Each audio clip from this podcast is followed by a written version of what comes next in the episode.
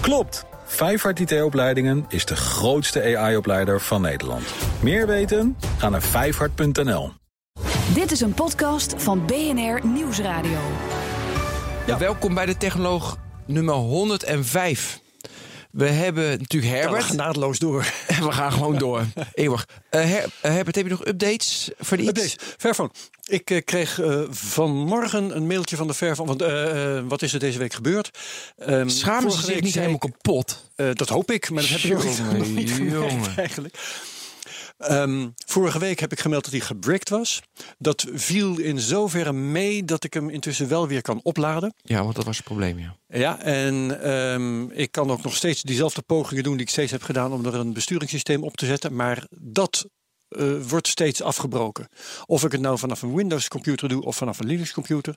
Of ik nou Fairphone uh, OS erop probeer te zetten of Fairphone Open of bijvoorbeeld Ubuntu.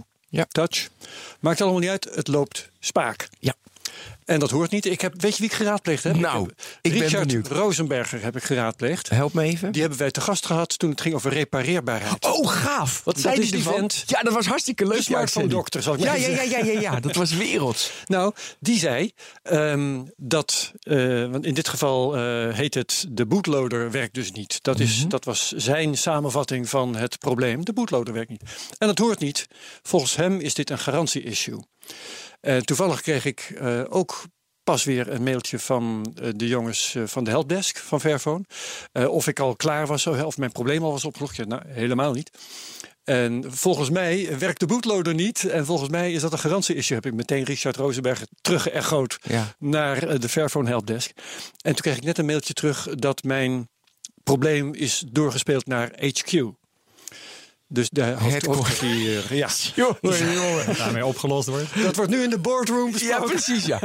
We hoorden al Walter Maar, Kraus, ja. Weet je, wat, wat ik wel fijn vind, is Ja. dat ik mij... Ik, uh, ik hou dus mijn handen uh, op, op, onder, onder mijn kont. Um, ik stel me op als klant. Ik probeer dus niet Dat te benaderen gek. met... Nee, uh, logisch. uh, u spreekt met Herbert Nee, Blankenstein van niet. BNR. Klant. Dat wil ik niet. Nee, dat moet je zeker niet doen. eng. En tot nu toe lukt dat goed, want Ja. volgens mij heeft zo'n jongen van de helpdesk helemaal niet door ja, dat dat, er ook over gepodcast wordt, bijvoorbeeld. ja, maar dat is En uh, ik ben, nou ja, dit blijft dus spannend en uh, we gaan het zien. Maar het is wel, vind ik, een aparte situatie. Omdat uiteindelijk kan je zeggen, het is garantie. Dan krijg je straks een nieuw toestel. Maar het gaat het helemaal niet om dat toestel. Jij, jij wilde eh, Google... ik heb veel liever dat het werkt natuurlijk. Juist. Ja, ja.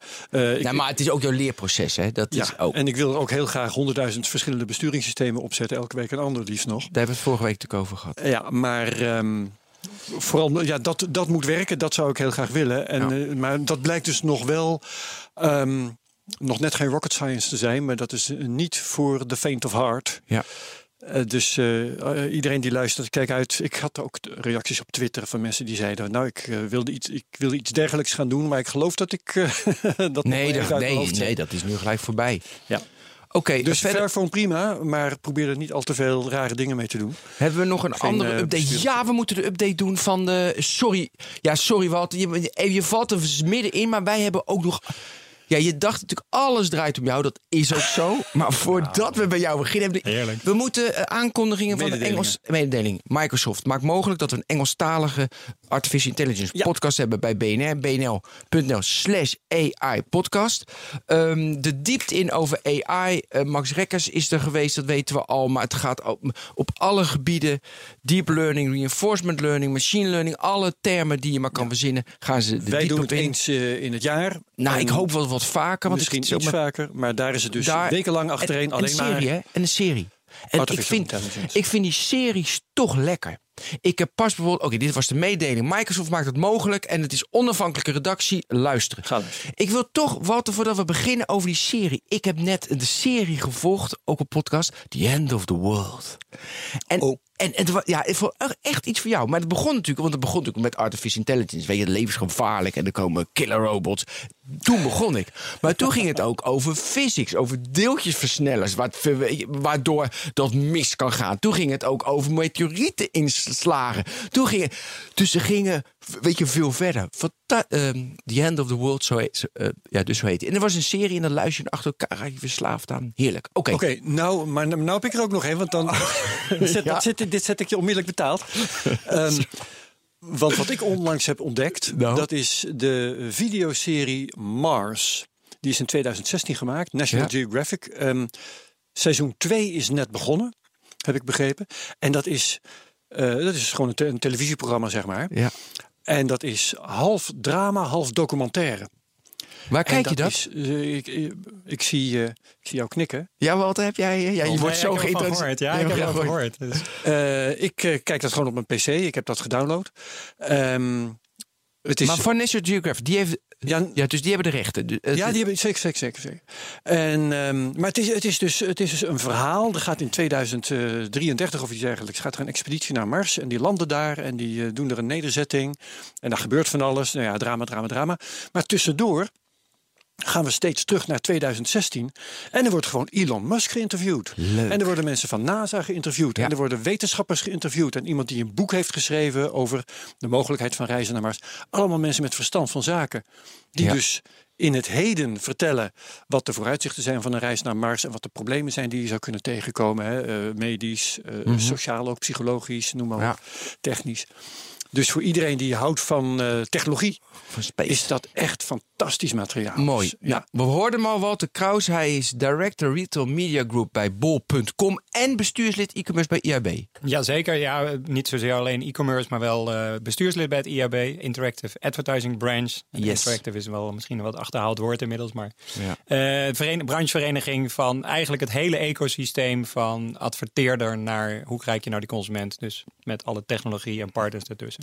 Ja, ik noemde net even End of the World en Herbert noemde even Mars. Weet je, dat wij de laatste weken even tot ons hebben genomen. Eh, heb jij nog iets specifieks? Zat je te denken, oh, die is ook wel gaaf. Die wij moeten- Aanraders, ja. Nou, Aanraders? eh, wat mij een- enorm fascineert op dit moment is eh, alle journalistiek over de geldstromen rond, eh, rond Rusland. En eh, dat is niet zozeer Oh. een podcast, et cetera, maar wel natuurlijk hele interessante journalistiek over hoe die dingen zichtbaar worden. Ik heb zelf een aantal jaar voor Philips in Rusland gewerkt. En eh, ik lees toch wel met enige verbazing dat mensen nu pas dingen zien die toen eigenlijk al eh, eigenlijk gewoon heel zichtbaar waren.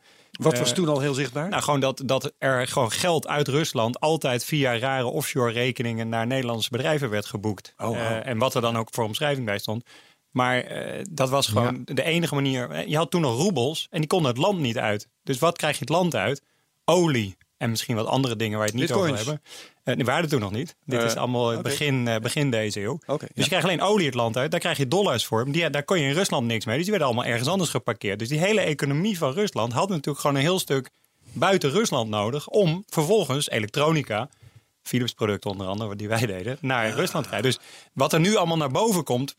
In die zin verbaast het mij dat het nu op deze manier naar boven komt. Terwijl het toch eigenlijk redelijk publiek was dat er gewoon hele grote geldstromen altijd al buiten Rusland waren. Is de omdat er niks moraal eh, van, van dit verhaal dat financiële journalisten wat meer hun oor te luisteren moeten leggen bij eh, bedrijven die in het buitenland werken? Nou, dat zou, dat zou wellicht eens een hele goede kunnen zijn. En krijgen ze dat dan ook te horen? Want ik kan me voorstellen dat. Als, nou, misschien eh, niet in het heet als van de als strijd. Philips mede, medewerker in Rusland hadden geraadpleegd, dat je misschien niet helemaal openheid van Nee, dat, maar het- zeker niet zeer openheid. Maar je, je kon gewoon wel zien. Van, hè, ik, ik, ik ben zelf groot fan van follow the money. Maar als, Ja. je, als je follow the money. Bij alle drie, bij alle ja, daarom. Als je teruggaat van follow the money. Voordat er ergens geld komt, zijn er weer andere stromen vaak geweest. En als je daar gewoon goed naar kijkt. En, en gewoon snapt hoe economieën werken en hoe dingen in elkaar steken. Dat, Ja. Het is fascinerend gewoon om te zien. Het is, het, het- het- het- nou goed, het raakt mij als ik dan inderdaad nu alle onderzoeken daarover lees. Ja. En hoe erover geschreven wordt. Dat ik denk van, hé, hey, dat Maar het is vaak de tijdrijp. Hè? Want als je, Absoluut. het was al heel lang bekend, waarom is nu de tijdrijp? En dat heeft natuurlijk ook met Facebook te maken, met de inmenging van Rusland. Eh, Zeker. Dus dat is ook wel interessant. Zeker, ja. Welke Ja. elementen er zijn. fantastische tijden. Hoeven helemaal niet naar Mars. Het gebeurt genoeg op aarde. Ja, er zijn meer die dat vinden. precies. We gaan het hebben vandaag over e-commerce. Ja. En niet alleen over bol.com, maar ik, e-commerce wil ik uitdiepen. Want ik ontmoette je denk ik een half jaar geleden. Die zou eerder komen, maar dat lukte op andere manier. ging allemaal fout.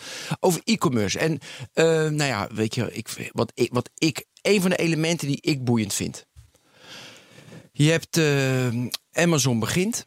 En eh, die verkopen boeken. Nou, en dat iedereen kan, kon toen, en nu nog steeds... 19, wanneer was het? 1997? 97 toch? Nee, veel, 94. heel- Eh, 94. nou, verkopen bezig. boeken. Vroeg. Dus dat is asset light. eh, zeg maar, je hoeft helemaal niks te hebben. Je kan één websiteje en je gaat boeken verkopen. Weet je, dat, maar hoe dat is ontwikkeld.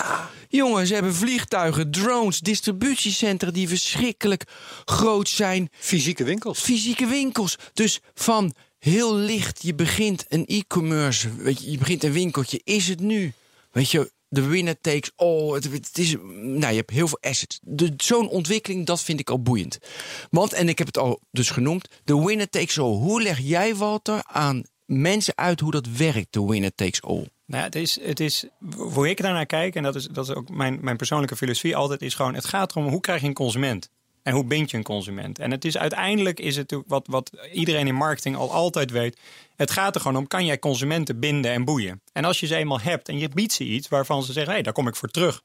Dan blijven mensen terugkomen. Dan gaan ze erover praten, gaan ze het delen met anderen. En wat je dan heel erg snel ziet ontstaan, is dat mensen denken: ja, weet je, prima, dit werkt. En waarom zou ik dan nog wisselen? En dan krijg je gewoon heel erg een, een gevoel van: hé, hey, dit werkt, dit is goed. Dan gaat er geld naartoe, er komen inkomstenstromen bij, het wordt beter, mensen gaan er meer over praten. Dus dat vliegwiel gaat heel snel draaien. En, en het lastige is, als je daar te laat in bent, dan zie je gewoon dat, dat zo'n boot eigenlijk vertrokken is. Voordat je daar eh, bij wijze van spreken een alternatief voor neer kan zetten. Ik heb eh, zitten nadenken over dat netwerkeffect. Eh, als, ehm, eh, het, als het gaat om besturingssystemen en software bijvoorbeeld, dan kan ik me dat voorstellen. Eh, ik wil dezelfde software gebruiken als andere mensen gebruiken, die dat compatibel zijn en zo. Als het om sociale netwerken gaat, dan snap ik het nog veel sterker. Want je wilt daar zitten waar je vrienden zitten en zo. Maar bij eh, dingen kopen. Eh, kan ik me dat iets minder goed voorstellen. Zijn er netwerkeffecten bij, het, eh, bij e-commerce? Nee, eigenlijk? Die zijn er zeker. Maar, maar misschien nog even één stap terug. Kijk, we hebben het natuurlijk nu over hoe groot Amazon is. Ehm, maar eh, in alle eerlijkheid, ze zijn natuurlijk niet by far de grootste retailer ter wereld. Hè? Dus zeg maar, het verschil tussen Amazon en de andere retailers is natuurlijk groot. Maar niet zo groot als bijvoorbeeld Facebook ten opzichte van andere sociale Ja, netwerken. Hè? Dus winner takes all. Ja, ze zijn global. Ja, ze hebben dat voor elkaar. Maar eh, kijk bijvoorbeeld hoe groot Walmart nog is. Kijk hoe groot Aldo Herze als, eh, als, als groep Dus is. je zegt eigenlijk winner takes niet all. Nou ja, dus, dus ik vind in e-commerce is dat nog niet zo zichtbaar. Dat is, dat is minder zo. Maar wat je wel ziet, is dat zo'n platform als, eh, als Amazon... en dat zien wij natuurlijk ook in het klein wel degelijk ook bij, bij bol.com... en dat zie je natuurlijk bij, bij Alibaba... en dat zie je bij eigenlijk bij iedereen die een platform probeert te creëren... is je krijgt wel zwaankleef aan. Hè? Er wordt over gesproken. Het wordt voor ondernemers interessant om daarbij te komen. Het wordt voor adverteerders interessant om daar te zijn. Het wordt gewoon, het, het wordt gewoon de drukste markt. Hè, En, en een paar duizend jaar geleden in Mesopotamië waren er misschien een paar plekken waar markten waren. En er kwam ergens iemand met kamelen bij elkaar. En iemand anders had, had, had paarden en weer iemand anders had stenen. Iemand ging dat bij elkaar brengen. En dat was veel makkelijker. Want je had gewoon een one place hè, waar je moest zijn. En daar, daar vond de handel plaats. Ja. Dat zie je online natuurlijk ook weer gebeuren. Maar goed, er zijn de elementen, bijvoorbeeld bij Amazon, eh, dat, je, eh, dat je heel snel levert, maar dat doet iedereen. Dat je de goedkoopste bent, dat kunnen ze door de schaal. Eh, dat ze heel veel aanbod hebben, dat is ook prettig. Dus je kan bijna dat kopen. Maar dus je kan zo'n platform als Amazon, kan je zeggen, ze waren de eerste, daardoor ontstaat dat. Maar dan zou je met deze, e- met deze elementen zou je het nu ook, ja, dat is heel moeilijk, kost heel veel geld. Maar dan zou je het in principe kunnen kopen, want de elementen zijn bekend. Dus het is best wel gek. Waarom doet dan niet de concurrent van Amazon dat? En dat, Omdat dat- ze vaak kapitaal hebben. Dat Nou, is vaak het probleem. Kijk, wat je natuurlijk wel ziet, is dat, dat winner takes all heeft op een gegeven moment ook een schaalgrootte. En daar zit een financieel verhaal achter. Ik, ik weet nog, vorig jaar zomer kondigde Amazon aan dat ze Whole Foods overnamen. Een Ja. grote Amerikaanse 17,8 miljard hè, uit mijn hoofd. Bizar zeg ik in bedrag. Ja. Nou, ik weet het bedrag niet helemaal, maar- eh, supermarkt eigenlijk. supermarktketen. Gezonde Eigenlijk een soort de markt met een Q van, eh, van Amerika. Nou, als je, als je even gewoon kijkt wat de financiële wereld, hoe die dan reageert, dan zie je een aantal interessante dingen. Ten eerste kreeg Amazon dat bedrag wat ze uitgaven aan Whole Foods er als premie die dag gewoon bij. Gewoon de beurskoers steeg met meer dan dat bedrag. Dat is één. Inclusief wat ze dus extra betaalden voor Whole Foods. Dus zij kregen het feitelijk gratis van de beurs. Het Zo. tweede was dat de andere aandelen van de andere retailers, hè, waaronder Aldo Herze, maar ook Carrefour en Walmart, gingen harder naar beneden dan het bedrag wat Amazon erbij kreeg. Met andere woorden, investeerders zeiden: Oké, meneer Bezos, hier heeft u mijn euro, want u heeft een goed plan. En ik geloof u, ik vertrouw u, u heeft een mooi idee, want dat laat u al jaren zien. En de rest, maar ik weet het niet, want dit kon wel eens spannend worden met Amazon. Maar dat soort dynamiek is wat je ziet. Hè? Dus, dus Amazon is, is, is door zijn succes en door zijn grootte ook gewoon financieel gezien een systeem aan het worden van, van waar mensen gewoon zeggen: ja, ik neem het risico niet, ik stop mijn euro daar wel in, want dan is het gewoon safe. Kan je dat nog nabouwen? Zeker. Zijn er succesvolle concurrenten van Amazon? Zeker. Eh, zeker lokaal. Hè. Nederland, België zien we gewoon natuurlijk ook met, eh, met, met, met, met bol.com dat je dat wel degelijk gewoon overeind kan houden. En Coolblue, om maar eens een merknaam te noemen. Maar Ja. ook een weekamper zie je gewoon toch nog, nog stug doorgaan. Dus, dus je ziet wel degelijk die mogelijkheden. Verder zie je natuurlijk in, in Duitsland heeft Amazon een gigantisch marktaandeel in online. Het is bijna 50% eh, marktaandeel van online. Nou, dat, in Nederland is er niemand met 50% marktaandeel. Dus je ziet gewoon dat eigenlijk het relatieve succes van Nederlandse spelers wel eens groter is. Dus Ja. met andere woorden, alleen het is omdat Amazon iedere dag in het nieuws is, overal wordt erover gesproken. Meneer Bezos, de rijkste man op aarde. Er gaat zo'n enorme nieuwsaantrekkingskracht. Het wordt bijna een zwart gat voor nieuws en verhalen waar mensen over willen praten. Ja. Ja. en dat zie je terug als vliegwiel in zo'n eh, in zo'n bedrijf. Hoeveel geluk eh, heeft bol.com dat Amazon maar geen serieuze aanwezigheid in Nederland op poten zet? Nou, ik, ik vraag me altijd af, is dat geluk of is dat een keuze? Hè, de vraag is... Keuze. Nou, het is niet een keuze van jullie. Nee, het is niet de Nee, keuze van bol.com uiteraard. Maar het is wel degelijk een, een keuze van, eh, van Amazon. Willen we Nederland... Hè? Nederland is, bij, gekscherend zeg ik wel, het wordt als een soort extra boendesland wordt meegenomen vanuit eh, Duitsland. Ja. Met levering en met, met de website en zo. Maar je ziet ook elke keer eh, Amazon wel stapjes zetten richting de Nederlandse markt. En ze zijn gewoon nummer 6, 7. Hè. Als je e-commerce kijkt, het varieert een beetje. Maar ze zijn er gewoon. En ze zijn serieus groot. Ze zijn groter dan menige, menige speler was een paar jaar geleden. Dus ik vind, we moeten niet praten over de komst van Amazon. We moeten gewoon praten over Amazon als onderdeel van het, eh, van het ecosysteem. En wat is dan de toegevoegde waarde van de ene partij versus de andere partij? En dat is wat eigenlijk in elke markt gewoon aan, de orde is. En, en je ziet feitelijk, hè, want als je, ik zeg altijd, als je gewoon naar de food retail kijkt, dan is het Albert Heijn en Jumbo. En daarna komen een aantal andere spelers. Dus het is ook helemaal niet zo gek dat je in retail dat soort consolidaties ziet. Dat zie je natuurlijk al, Ja. al, al heel lang in, eh, in, in met name ook food retail. Dus wat dat betreft is die markt niet eens zo heel anders dan, eh, dan andere markten. Als je de elementen als, eh, weet je, dus morgen leveren, doen ze allemaal, weet je, binnen 24 uur. Ehm, dat je het terug kan sturen en dat de prijs. eh, dus wat is nou het onderscheidend vermogen wat je wel hebt? Je hebt, je hebt een aantal, wat we steeds meer noemen, randvoorwaarden. En die randvoorwaarden, hè, dat, is, dat is een soort, soort voortschrijvende lat. Waarbij eigenlijk steeds meer de consument gewoon verwacht dat je dat kan. Hè, vandaag besteld, vandaag in huis. Vandaag besteld, over twee uur in huis. Ik bedoel, het gaat, het gaat steeds verder. Voordat je, vo- voordat je het bestelt in huis. Dat nou ja, is de volgende stap. Ja, nou ja, goed. Of, of in elk geval dat je het bestelt en dat het dan voor je briefbus klaar ligt en dat er alleen maar naar binnen wordt geduwd. Nee, maar goed, zonder gekheid. Je- ziet gewoon dat dat gaat heel snel. En dat kan ook heel snel. En zeker in een klein landje als Nederland. Ik, ik, ik was een aantal maanden geleden in New York en dan zie je gewoon hoeveel services er in New York gewoon bestaan die in Nederland nog helemaal niet zijn. Dan denk ik, ja, maar goed, als je gewoon kijkt, New York is bijna net zo groot als Nederland in overal qua inwoneraantal. Dus wij zouden dat ook moeten kunnen wat ze in New York kunnen. En de afstanden zijn hier beperkt. Hè. Waalwijk naar Groningen is ook twee uur rijden. Dus Geloof jij in dat gedoe met drones? ja, niet in Nederland. Dus denk ik Nederland. Misschien voor hè, wat iemand zei, voor hele dure specifieke medicijnen naar de Waddenzee. Als het goedkoper Ja. is dan een helikopter. Maar in, in Nederland, drones. Ja, weet je, het is ook, we, zijn, we zijn al zo vol. Ik geloof veel meer in. nee, denk ik ook. in, in, Maar in- goed, dus je zei eh, de space. ehm, eh, de- Dus, dus, dus het onderscheid, ja, precies. Ja. Dus het onderscheid zul je zien gaat. Je, je moet gewoon al die dingen heel goed hebben. Ja, en dan wordt het onderscheid eh, zoals je eigenlijk altijd een retail onderscheid maakt. Vinden mensen je leuk? Vinden mensen het fijn? Komen ze graag bij je? Vinden ze je een prettig bedrijf? Waarderen ze dat je het onderscheid snapt tussen Sinterklaas en de kerstman? Eh, ben je echt lokaal? Eh, waarom gaan mensen nog steeds graag naar hun bakkertje om de hoek? Ja, omdat ze die man zo lang kennen en dat vinden ze fijn. Dus merkvoorkeur gaat daar uiteindelijk natuurlijk gewoon een, een heel groot onderscheid ook in, in brengen. En, en is dat dan voldoende? Ja, weet je, dat is uiteindelijk ook weer aan die consument. Hè? Ik, zeg altijd, toen, toen V&D ten onder ging, stonden ze nog in de top 10 van meest geliefde bedrijven van Nederland eh, qua retailmerken. En vroeg je mensen, kom je er nog wel eens? En zeiden ze, ja, eigenlijk niet meer. En koop je het nog? Nee, nooit. Nou dat is wat er gewoon gebeurt. Dus, dus een merk is ook wel heel veel waard, maar tegelijkertijd is het ook weer niet alles. Dus het is, Ja. het is natuurlijk op heel veel vlakken is het en, en, en, en, en. Toen eh VND ten onder ging, eh, jij begint erover, dus ik had het net op mijn lijstje staan. Eh, toen werd gezegd, ja, ze hebben niet erop gelet wat voor ident- identiteit ze hebben. Ehm, en toen vroeg ik me af, omdat bol.com zoveel verschillende dingen doet. Hè, zijn ook begonnen met boeken, eh, stereo, eh, speelgoed. eh, nou, jullie zijn een beetje in aspecten zijn jullie Amazon achterna gegaan. Wat is de identiteit van bol.com? Ja, dat, is natuurlijk, dat is natuurlijk ook één waar je, waar je voortdurend dan op moet, moet sturen en zoeken. Maar wij hebben natuurlijk ook de positionering gekozen, de winkel van ons allemaal. Hè, dus die hele breedte daarin leggen.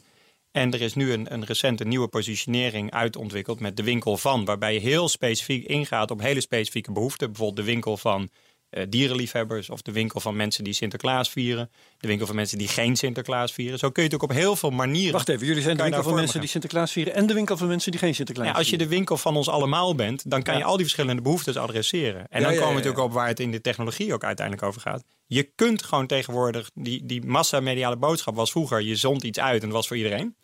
Maar tegenwoordig is natuurlijk alles versnipperd. Maar in die versnippering kan je ook sturen. Dus je kan gewoon mensen aanspreken. En dus als je zegt waar staat bol.com voor, dan zal dat in, in the eye of the beholder, zoals zo mooi gezegd, kan dat wel eens heel verschillend zijn. Maar de basis is natuurlijk gewoon de leverbetrouwbaarheid. Het feit dat je het vandaag besteld morgen in huis hebt. Dat het gewoon eh, prima prijzen zijn, dat het goede service is. Dat is natuurlijk soort de essentie van waar, waar het succes uiteindelijk op is, eh, is gebouwd een groot. Ja, ik denk dat dat de basis is, maar hoe goed ze me kennen en adviseren en hoe makkelijk het voor me is om even snel, jij zegt een boek, ik tik hem in en, eh, weet je, en ik heb een mooi, dat, dat gemak, dat vind ik wel, ja, dat is denk ik het, het onderscheiden. Dat is, ja. En dan ook merkvoorkeur, want dan ga je niet, nou, ja, Ja, goed, ik en, niet en merkvoorkeur is precies. Merkvoorkeur is bijvoorbeeld hoeveel apps heb je op je schermpje staan. Hè? Dus pak een willekeurige telefoon van iemand en kijk hoeveel apps heeft die staan. Hoeveel winkelapps heb je dan staan? Nou, als dat er drie zijn, is het al veel. En, en, en welke kies je dan? Ja, toch degene die top of mind is, waar je over nadenkt. Dus, je, dus uiteindelijk, maar goed, hetzelfde gold ook vroeger. Ook ga ik weer terug naar de oude supermarkten. Je ging naar de supermarkt die bij jou in de buurt was. Dat was vertrouwd. Mensen gingen niet 10 kilometer omrijden om naar een andere supermarkt te gaan. Nee. Tenzij, en dat is natuurlijk wel, tenzij daar iets heel bijzonders gebeurde. Dus een hele bijzondere prijs, of een heel bijzonder assortiment, of een heel bijzondere belevenis. Ja, maar bij e-commerce is het toch anders. Want ik, ik vond inmiddels een beroemde uitspraak van echt geweldig. Je kan. ehm, dus het internet laat je alles kopen wat je in New York kunt kopen. Of in Amsterdam, of nou, welke stad dan ook. Echter, ehm, je kan niet het winkelen van New York, kunnen ze niet nadoen. Dus Nee. de, die ervaring kunnen ze niet doen. Precies. Dus je maakt heet het een vergelijking met de, lokale winkel. Maar dat is, dat Nee, is best wel lastiger. Ja, ja, laat ik het zo zeggen. Het is, het gaat mij, de vergelijking gaat mij dus niet om de beleving die je er geeft, maar wel dat je in de online context een bepaald iets aan toevoegt, wat dan wel weer dat onderscheid biedt lokaal. Dus, dus, dus bijvoorbeeld heel erg goed op de taal zitten, eh, snappen wat er in een, in, een, in een land speelt. En, en mind you, dat is natuurlijk ook wat we met, met e-commerce heel vaak zeggen. Uiteindelijk is ongeveer pas 10% van de retail is e-commerce. Dus 90% is dat nog niet. Met andere woorden, al die hybride modellen en al die offline en versus online discussies. Ja, laten we er gewoon ook wel realistisch naar kijken. Het is gewoon nog klein, alleen het groeit heel hard. En, daarom, en we zijn er heel op aan het investeren. En met de logistieke problemen die het allemaal met zich meebrengt. Dat zie je met Sinterklaas, cyber, Ja. cyber, cyber. Ja, Ja, joh. ja. Maar goed, ook, Dus ook weer- goed dat het maar ook dat 10% vind ik weer mooi dat dat, dat, dat weer... Ook dat moet je natuurlijk weer relatief zien. Want dat is natuurlijk weer... Waarom wordt daar nu zo op ingezoomd? Hè? Door bijvoorbeeld een, een telegraaf die daar helemaal een item over maakt. Zag ik dan over pakketjes die te laat zijn. Ik bedoel, je weet ook, je kan de klok op gelijk zetten. Dat ergens in juli gaat het een keer over vermiste koffers op Schiphol. Ja, gaat iemand er ook weer over praten. Ja. En, en want, want daar Blaadjes gaat op de ook 0,01% gaat gaat zoek van de koffers. En dat zijn er ook duizenden. En als je tien mensen kan interviewen die een koffer kwijt zijn, heb je een prachtig item van mensen die te ontevreden zijn. Maar je gaat niet die miljoenen koffers bespreken die wel gewoon op tijd zijn. Dus het is ook een beetje inherent aan de vernieuwing die je hierin natuurlijk Ja. ziet. Hè? Dus laten we ook reëel zijn. Je begint alweer over iets wat ik op mijn lijstje had staan. Eh, kijk, we, ik we kan zitten- niet op je lijstje kijken. hoor. Nee, nee, dat weet ik heel goed. De, voor de luisteraar. Niet dat Trouwens, ja, je weet maar nooit hoe tegenwoordig. Maar goed, oké. Ehm, nee, ehm, we nemen dit op eh, op de dag na Sinterklaas, op 6 december. Dus we gaan niet over, te veel over Sinterklaas hebben. Hoewel misschien nog wel over jullie rijmactie, maar eh, dat bedoel ik nu niet. Ehm, waar ik het wel over wil hebben, is over het na Sinterklaas.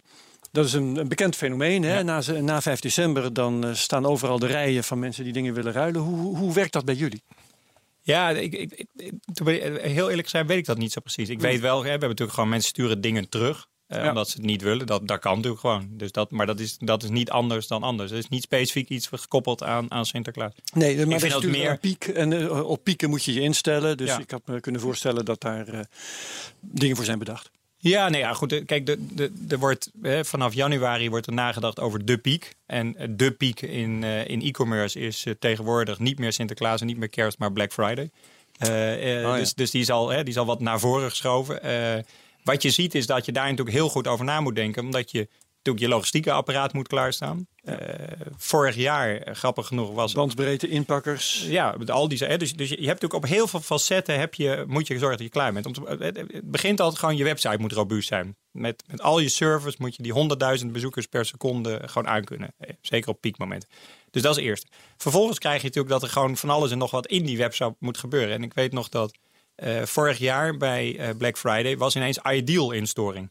Dus dat lag, lag niet zozeer dan in, in, in, in onze handen, maar lag aan, de, lag aan de andere kant. En wat gebeurt er dan? Dus ja, dat is, dat is ook gewoon weer technologie die dan ineens zijn bandbreedte eh, beperking heeft. Ja. Ehm, dit jaar hadden we, hadden is, het gaat heel veel over logistiek. Mhm. We hebben niemand gehoord over dat Ideal het niet aan kon. Nee, omdat die banken hebben weer geleerd van, oh ja, weet je, moet ook opschalen. en moet ook even. Dat doen ze op eigen houtje of eh, is dat dan nog eh, onderwerp van gesprek tussen jullie? Ja, dit, dit is natuurlijk waar de, de markt eh, elkaar in vindt en met elkaar over spreekt. En, en, en uiteindelijk ook, dat is natuurlijk ook gewoon met, met, met al deze, ja, toch maar, noem ik maar verschuivingen, ecosysteemverschuivingen, moet je gewoon kijken van, oké, waar, waar gaat het heen? Waar zit de flessenhals? Waar zit de? En elke keer ontdek je een nieuwe en die ontdek je op de piek. Dus je bereidt je voor op een piek met, met dat je denkt, nou, dit zijn alle scenario's. Nou, één ding weet je zeker, er gebeurt iets anders.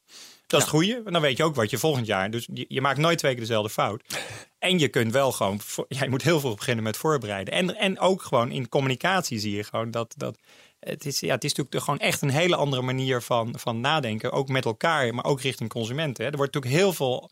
Ik, ik hoorde PostNL was in oktober al met spotjes begonnen. Van begin op tijd met bestellen. Want ja. anders kunnen wij het niet aan. Ja, dat is natuurlijk.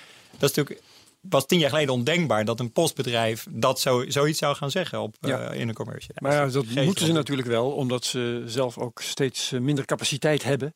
Omdat er door het jaar heen steeds minder post vers- verstuurd wordt. Ja, maar dat dat, zal maar, wel mee te maar, maken eh, eh, volgens, goed, mij, eh, volgens mij wordt er zoveel extra capaciteit ingezet rond die, rond die feestdagen. En, het is, en dat is ook weer aardig. Ook hier geldt weer technologie. Hè. Je, kunt, je kunt heel veel dingen automatiseren. Eh, Ja. Maar de vraag is, bouw je de capaciteit voor de piek? Of bouw je de capaciteit om het hele jaar door voldoende eh, te kunnen draaien... en vang je het in de piek op met extra mensen, met, met Ja. poppetjes erbij. Ja, dat- wat is verstandig, hè? Want inderdaad, dat is een kernvraag. ja, dat is een Dat is keuze. Het, is een, het hangt heel erg. Kijk, eh, investeren in techniek en in, in technologie kost heel veel geld. Eh, dat zijn eh, dure investeringen. een warehouse. Ehm, en mensen die je tijdelijk aanneemt, dat is ook duur. Maar dan heb je, de, heb je dus tijd. Dus het is een voortdurende afweging. En die, da- daar is niet één antwoord op. Dat, is een, dat, is een, gewoon, ja, dat zijn sommen die je zelf moet maken. Ja, en wat PostNL betreft, daarom valt het mij op.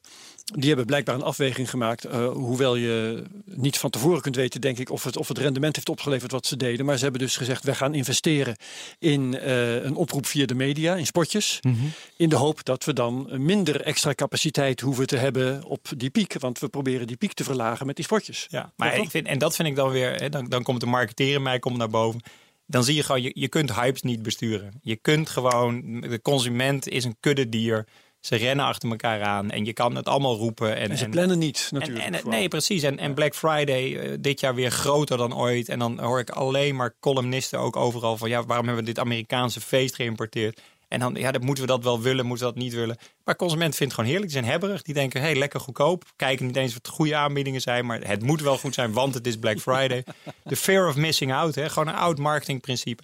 En dan kan je met al je spotjes kan je daarop ingaan. En zeggen van, ja, dit, dit moeten we dit wel willen. En ja, weet je, consument is toch wat dat betreft onvoorspelbaar. En misschien is dat ook wel weer grappig. Want als je iets besteld hebt en het komt te laat, maar het komt alsnog. Dan ben je wel onderdeel geweest van iets heel massiefs. En je bent onderdeel geweest van het nieuws. En dat vinden mensen ook weer Je hebt fijn. toch maar mooi aan meegedaan. Je hebt eraan meegedaan. Dus dat is ergens zit daar ook een soort voldoening in. Het is ruim voor Sinterklaas. Dus de meeste mensen hebben is cadeautje toch op tijd gekregen. Ja, ja. Ja, dat distributie, eh, kun je iets? Want weet je, het was zeg maar logistiek eh, voornamelijk. En dus eh, kun je iets vertellen over dat, over dat distributiecentrum? Dat vind ik namelijk zo mooi om te zien hoe die pakketjes. Ik zag gisteren thuis op tv gewoon een persoon die dan iets pakt. Dat vind ik, kun je iets vertellen over een modern distributiecentrum? Ja, ik, ik, ik, ik, een moderne distributiecentrum heeft. dat is natuurlijk het, wat wij noemen onze grote schoenendoos in Waalwijk, is modern. is voor een heel groot deel geautomatiseerd. Ehm, en is eigenlijk, is eigenlijk niets anders dan een hele grote winkel. Waar eh, mensen lopen die, eh, die winkelen. Alleen dat winkelproces is heel efficiënt gemaakt. Dus die mensen, die, het zijn als het ware de vakkenvullers die zelf de boodschappen doen. Dus die weten precies waar wat staat. Eh, en er is een heel efficiënt systeem om het vanaf de kassa naar verpakkingsmachines te krijgen om het in te pakken. Dus, dus maar, maar, maar ook Maar ik dacht aan die filmpjes waarbij eh, heel groot eh, zeg maar, distributiecentrum en er zit een robot daarboven en die pakt dan van bovenuit pakt hij het. Ja. Ik heb wel die filmpjes gezien. Ik Ja, vond dat, dat is- veel mooier. Dat is, nou ja, goed, maar dat is, dat is dus waar ik het over had. Je kunt een deel automatiseren. En je, eh, bijvoorbeeld het, het, het distributiecentrum van, eh, van Weekamp, waar veel fashion is, is veel geautomatiseerder. Omdat je dan Ja, een beetje zoals je dat bij zo'n stomerij ziet, hè, met, met zo'n kleding, band en dan dingen eruit pakken. Ja, dat is natuurlijk veel makkelijker als je dat gewoon, eh, gewoon automatiseert. Heel veel andere, ja, noem ik maar winkelstukken, ja, die hoef je niet zo heel zwaar te automatiseren. Daar kan je gewoon met, met de hand pikken. En dan vervolgens wel, vanuit als het gepikt is, gaat het mandje geautomatiseerd door, de, door het systeem heen om het uiteindelijk verwerkt te krijgen in een, eh, in een, in een order. En, en dat is wel, wel uniek, in, eh, in, in ons eh, distributiecentrum in Waalwijk zit PostNL met een sorteercentrum. Dus letterlijk pakjes gaan door de vloer. Dan gaan, worden ze ook juridisch overgedragen aan PostNL. En daar wordt het meteen verdeeld over de eh, poststations. Dus er, zit wel, er is één schakel uit de keten gehaald. Ja. En, en dat is een van de dingen die je ziet. Maar, maar ook hier weer, en, en, en eh, I sometimes sound like an old man. Maar, maar ik vind het ook grappig om, om, om, om te zien, gewoon hoe, als je gewoon hierover nadenkt, wat er gebeurt. Is vroeger, vroeger nog steeds, je ging met de auto naar een supermarkt of naar een, naar een, naar een terrein. Daar ging je staan. Dan pakt hij een karretje. Dan gooi je allemaal spullen in je karretje. Die zet je op een lopend bandje. Die scant een mevrouw. Dan zet je ze terug in een doos. Die doos til, je rekent af. Die doos til je op. Die zet je in je auto en je rijdt weer naar huis. Dat is echt dom. Dat is gewoon wat we, wat we nu doen. Is veel slimmer. We klikken een aantal producten aan. Dan komt er ergens een mannetje die een karretje pakt. Of een vrouwtje. Uh, die port die spulletjes. Die scant dat. Je hebt het ondertussen al afgerekend via een online systeem. Maar die spulletjes worden in een doosje gedaan. En dat doosje wordt meegegeven aan de postbode. En die brengt het naar jou. Ja, het is niet dus, mega veel efficiënter worden. Ja, wel dus voor jij die consument. Ik zie heel precies. Voor die consument, die hoeft niet meer naar die winkel. Maar het proces erachter. Hè, dus dus de, de, de hele grote winst die nog te halen valt, is als leveranciers rechtstreeks vanuit hun productielijnen naar consumenten gaan sturen. He, dus dat, dat ja. je niet meer. Dat die, distribu dus dus dat die die distributiecentra dus ertussenuit gaan. En dan kom je weer. De hele supermarkt ertussenuit gaan. Ja, en dan kom je natuurlijk op die, op die platformdiscussies. En dat is natuurlijk ook Ja, ja. een beetje als je kijkt naar de Alibaba's van Want waarom kan Alibaba wat Amazon doet. 31 miljard. Nou ja, Amazon voor een deel, maar, maar Alibaba natuurlijk 100 Marktplaats. Die zeggen wij brengen gewoon vraag en aanbod samen. En hoe jij de fulfillment regelt, daar kunnen we bij helpen. Daar kan je voor betalen. Of niet. En dat is natuurlijk wat je met die platformen ziet. En dat zie je bij Amazon. En dat zie je bij Bob.com. En dat zie je, dat zie je dus echt als je praat over e-commerce. Marktplaatsen is dat daar gewoon allerlei dingen bij elkaar worden gebracht. Wat eigenlijk niks anders is dan: oké, hoe match je vraag en aanbod zo efficiënt mogelijk? En dat is enerzijds vraag stimulerend, maar ook daardoor het aanbod erop kunnen bieden. Plus vervolgens nadenken: oké, hoe krijg je dat zo efficiënt mogelijk dan bij die consument? Dat die het Ja, voor ik wil nu heel veel opmerkingen maken. De eerste is, Is ook- deze. Ga je gang. Aanbod. Ja, eh, maar, eh, ja, dus de eerste is picknick. Eh, dus geen winkels, alles naar een distributiecentrum. En, en in het, dus dat proces is dan toch sneller, heb ik het idee. Nee, daar, daar- bij Picnic is, die hebben geen winkels, maar Picnic is natuurlijk in wezen niets anders dan het model van eh, een online eh, speler, zoals Bob.com, zoals Wekamp. Ja, want, maar- want het is nog steeds Procter Gamble levert nog steeds Juist. Pampers aan een warehouse van Picnic. En, en dan heb ik een essentieel onderdeel, want ik wilde hem net al eerder noemen. We hebben nee, met PostNL, PostNL, PostNL, eh, Amazon, zelf vliegtuigen, drones enzovoort. Want een onderscheidend vermogen is het bezorgen Ja. bij iemand thuis. Ja. Nou, eh, dus jullie besteden dat uit. Picknick niet. Leuk, kopen ze thuis. Ja. Weet je, Ja. een leuk jasje. Ja. En dat is een onderscheid. ja. Dus wanneer kies je om het zelf te doen? En wanneer kies je van, eh, dat vind ik geen onderscheidend vermogen. En, dat, en daar vind ik zit een hele interessante discussie. Ehm, want, want dat is inderdaad een van de vragen die je natuurlijk ook voortdurend eh, in, de, in de markt hoort. Is van als je dat uitbesteedt, dat, dat stukje last mile. Wat besteed je dan uit? Hè? Met andere woorden, wat is bijvoorbeeld het gezicht van jouw merk? Is dat dan Ja. die man met een PostNL shirt? Of in zo'n geval van Picnic, gewoon dat leuke autootje met die student die dat pakje kon brengen. Of bij Coolblue, waar ze natuurlijk ook beroemd zijn om hun leveringen. Ehm, kijk, en, en Amazon doet het voor een groot deel zelf, maar dat is ook voor een deel uit armoede geboren, omdat, omdat er in Amerika gewoon geen PostNL eh bestaat die met een dergelijke kwaliteit. Dus, dus je gaat wel degelijk zien op die, op die hè, zoals het noemen, last mile, kun je wel degelijk een onderscheid maken, ook voor je merk. En dat is natuurlijk ook weer een, een fascinerend iets, is van oké, ben je dus een platform waar je vraag en aanbod samenbrengt en vervolgens laat de fulfillment maar aan iedereen die dat op zijn manier wil doen? Of zeg je nee, wij geloven daarin. Daar zit, daar zit nou juist de toegevoegde waarde. En Daar zit ons merk. Ja, en dat, dat, dat zijn allemaal keuzes die je gewoon vandaag de dag ziet. Die, die partijen proberen te maken. Ja, maar ik denk bol.com zou eigenlijk wel de last mail moeten doen. Want als je Pieter Zwart in interviews eh, leest, ja, dus, eh, dus van, van Coolblue, die zegt van ja, andere partijen zullen goedkoper zijn en die kunnen ook morgen leveren. Al die, weet je, alles wat we hebben, dat hebben ze allemaal. Maar onderscheidend vermogen is, is dat iemand die wasmachine bij, eh, op zolder ergens neerzet en dan hangt er een spiegel scheef en is even service. Ik ga een spiegel. Ja. eh, ja, Hey, dat, is, dat, en maar dat, is heel mooi. Alleen, Ja. dat, is- dat, is dan, dat is dan voor die wasmachine. Maar nu, eh, nu breng ik een boek. Dat past gewoon door je brievenbus. Ja, oké, dan Dus- heb je dat niet. Begrijp je? Dus, dus je ziet die differentiatie. En dat is natuurlijk. En dat, en, en dat maakt het zo spannend en spectaculair om, om in deze wereld nu te kijken van wat zijn de keuzes die je moet maken. Er is niet één keuze goed. Er zijn zoveel keuzes die je kan doen. En het zijn voortdurend. Daniel Ropers, onze oude CEO, zou het. Dit bedrijf komt om in goede ideeën. Waar we tekort Ja, aan hebben is tijd en vooral mensen om ze allemaal ten uitvoer te brengen. Brainpower. Ja, maar en- als je... Ja? Het is dus nee, niet- en niet eens weer brain. Het is echt gewoon, er is zoveel keuze. Je, het is bijna een speeltuin als je over nadenkt over wat je allemaal kan Zou verzinnen. doen, ja. En dat geldt natuurlijk helemaal ook in die last mile. Dus er zijn heel veel partijen zijn daarin nu actief. Hè? De, de, de kofferbakleveringen, de initiatieven om, om buren in te schakelen. Initiatieven om kluizen te bouwen aan stadsranden. Gemeentes die nadenken over, oké, hoe moeten al die busjes stromen erin? Nou, dat blijkt helemaal maar een heel klein percentage van het verkeer te zijn. Dus er is heel veel discussie. Eh, en, en, en, en, en uiteindelijk, en dat vind ik het mooie, weer, ook hier gewoon de consument gaat gewoon winnen. Die krijgt gewoon, zoals hij het hebben wil, zo gemakkelijk als hij of zij denkt dat hij het kan krijgen. Ja, maar ik zit heel erg te denken, wat kan je onderscheiden? En dat is nu dus, naar mijn idee, de last mile. Omdat iemand leuk is, dat is brand, weet je, kan je doen. En andere elementen vind ik lastig. Heb je nog andere Ja. elementen die echt onderscheidend zijn? Ja, kijk, assortiment is gewoon op een gegeven moment. Is, iedereen heeft heeft, ja, maar er is natuurlijk wel een beetje van. van eh, is het echt assortiment wat, hè, ik bedoel, Amazon heeft eh, geloof ik iets van 100 miljoen producten, maar ik weet niet hoeveel miljoenen eh, iPhone Ja, oké. Maar als je zegt, oké, we hebben alle boeken ter wereld, ja, dan heb je een mooi verhaal. Eh, dus het is, het is uiteindelijk ook, het is niet alleen maar het Ook een getal, verhaal. het is ook wat zit er echt achter en, en kun je het bieden. En, Echt hele obscure dingen. Ja, oké. ja, en kan je, en kan je, bijvoorbeeld, nou, en kan je bijvoorbeeld zeggen: Oké, we hebben heel lokaal, eh, hele lokale spullen. Hè? Dus, dus ik noem maar wat, een, een, een, een, een leverancier van houten speelgoed in Bolzwart. Die gaat misschien niet zo snel denken: Nou, dat ga ik op Amazon eens verkopen. Die zou misschien wel op een lokaal platform eh, actief kunnen willen zijn. Dus uiteindelijk is dat, is, dat, is dat natuurlijk ook gewoon, zit daar wel degelijk een onderscheid in het assortiment. Ja, wanneer doe je dat? Ik bedoel, ik bestel mijn, ik vaak verteld, mijn diervoeding bij eh metpets.nl. En als ik dat bij amazon.de bestel, dan eh, krijg ik, scheelt het me 16 euro. En dat vind ik hartstikke veel. En maar waarom doet Metpets dat dan? Ja, omdat ze natuurlijk op de Duitse markt denken, dan verkoop ik meer en dan komt niet Nederland. Maar als Nederlander kan je dus heel veel geld besparen. Dus wanneer moet je als naar een Door derde... niet naar Amazon te gaan.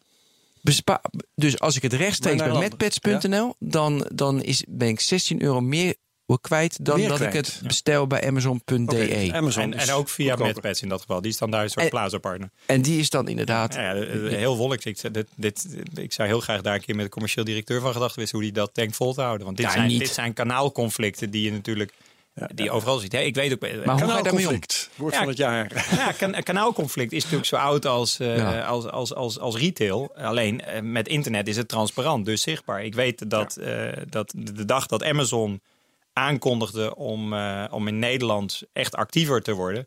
eh, dat meteen de collega's van, eh, van Philips Nederland meteen naar hun Duitse collega's gingen van oké, hoe gaan we met die prijzen om? Want er zitten prijsverschillen. Dus je ziet meteen dat, en, en, en, en het goede voor de consument is, prijzen gaan zelden omhoog. Dus, dus, dus waarom? nou ja, niet meteen. Dus je ziet, dus je ziet of ze worden dan langzaam vervolgens. Behalve iPhones, die gaan. Ja, Nou, kijk, nu wordt ja, het ook maar, lastig. ja, maar goed, het is interessant wat je zegt. Kijk, van, van waarom waarom Auto's, lukt ja. het Apple als een van de weinigen wereldwijd hun prijzen stabiel te krijgen en te houden? Die, die hebben dus blijkbaar zo'n extreme ijzeren grip op de retail weten te creëren. Dat niemand het in zijn hoofd haalt. Doen ze. Oké. en doen ze voor een groot de deel klant. zelf. Dat is natuurlijk. Dat is Ja, daarom. En- doen ze zelf. Precies. En, en, en omdat ze zelf zo sterk zijn, ga jij als jij ook toevallig de courtesy krijgt van Apple om die producten maar te verkopen, ga je niet lopen stunten met die prijzen. Want dan weet je dat je morgen niet meer geleverd wordt. Dus, dus daar zie je gewoon de kracht van een merk en de kracht van producten. En ook weer de kracht van, van, ja, van die vraag. Dat geldt ook voor heel veel producten niet. Waar consumenten gewoon echt zoiets hebben, ja prima. En waar de leverancier denkt, ja weet je prima. En eh, dat is natuurlijk het grap van, van online. Je, denkt dat je het inderdaad in Duitsland verkoopt. Maar ja, waarom zou jij als, als Nederlander dat niet gewoon terug zien komen naar, eh, naar Nederland? Ik heb nog een vraag over ehm, supermarkten en platforms en zo, waar we het net over hadden. Ehm, ik kan me op zich voorstellen dat het kan werken eh, dat, eh, dat je die hele supermarkt er tussenuit haalt en ook dat, dat warenhuis. Maar aan de andere kant, als ik me voorstel wat er in ons winkelwagentje zit, want wij gaan echt nog wel eens eh, gewoon door die supermarkt heen karren. Een kilo peren, een fles bleekmiddel, nou goed, noem die hele diversiteit maar op.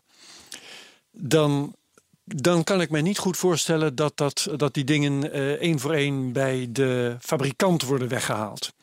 Want eh, wat ik me wel heel goed kan voorstellen, dit, dat is dat er een efficiëntieslag zit in eh, dat er een plek is waar ehm, eh, het aanbod, aanbod wordt, ingeleverd en waar de consumenten komen online of fysiek.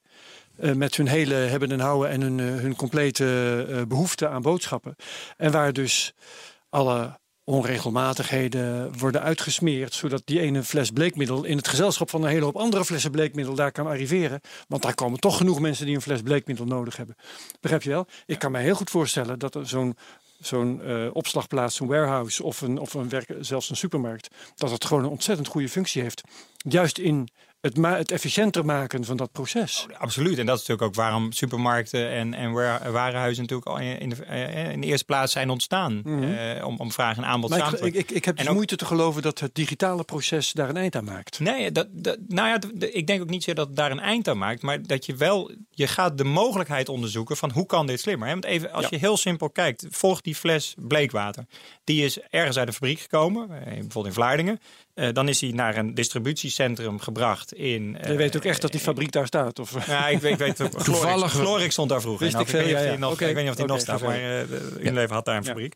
Ehm, dus, dus stel dat hij, dan is hij naar een warehouse gebracht. Hè, weliswaar op een pallet, dus met heel veel flessen. Dus Ja. per, per fles heeft dat misschien niet veel ja, gekost. schaal Vervolgens is hij per collie afgeleverd, of per pallet ook afgeleverd aan een distributiecentrum van een supermarkt. Vervolgens is hij in een, in een, in een collie van bijvoorbeeld zes of twaalf flessen is hij naar een, eh, is hij gepakt. En is hij eh, in, een, eh, in, een, in een trailer gezet naar een, eh, naar een winkel. Daar is hij door vakkenvullers gepakt en uit die collie gehaald en in een schap gezet. Dus ik tel heel wat stappen. Ik Mhm. Ja. kan me dus voorstellen dat er voor bepaalde producten zijn waar je zegt, van, nou, dat zijn wel heel veel stappen. Dat kan veel Maar slimmer. het is dus wel een hele rekenpartij, welke stappen tussenuit Zeker. en bij welk product dat Zeker. dan misschien weer Alleen, anders is. en, dat, en dat zie je dus ook. Dat, dat daar ligt natuurlijk een van de Geef eens goede voorbeelden waarbij heel veel stappen al weg zijn gehaald bij bepaalde producten. Nee, ik vind eh, Dollar Shave Club een mooi voorbeeld. Hè? Dus dat soort partijen die gewoon, die gewoon Ja. hebben... Van, joh, wat Gillette kan, kunnen wij veel beter. Nou, Ja. Wij maken hele goede mesjes. En de waarde is voldoende om er een postzegel op te plakken. En het kan door een brievenbus. En boeken waarschijnlijk ook. En boeken is natuurlijk ook op die manier Tuurlijk, gaan. maar- en en ja. elektronica zelfs, hè, in alle eerlijkheid. eh, de diversiteit en het op voorraad hebben van heel veel verschillende producten.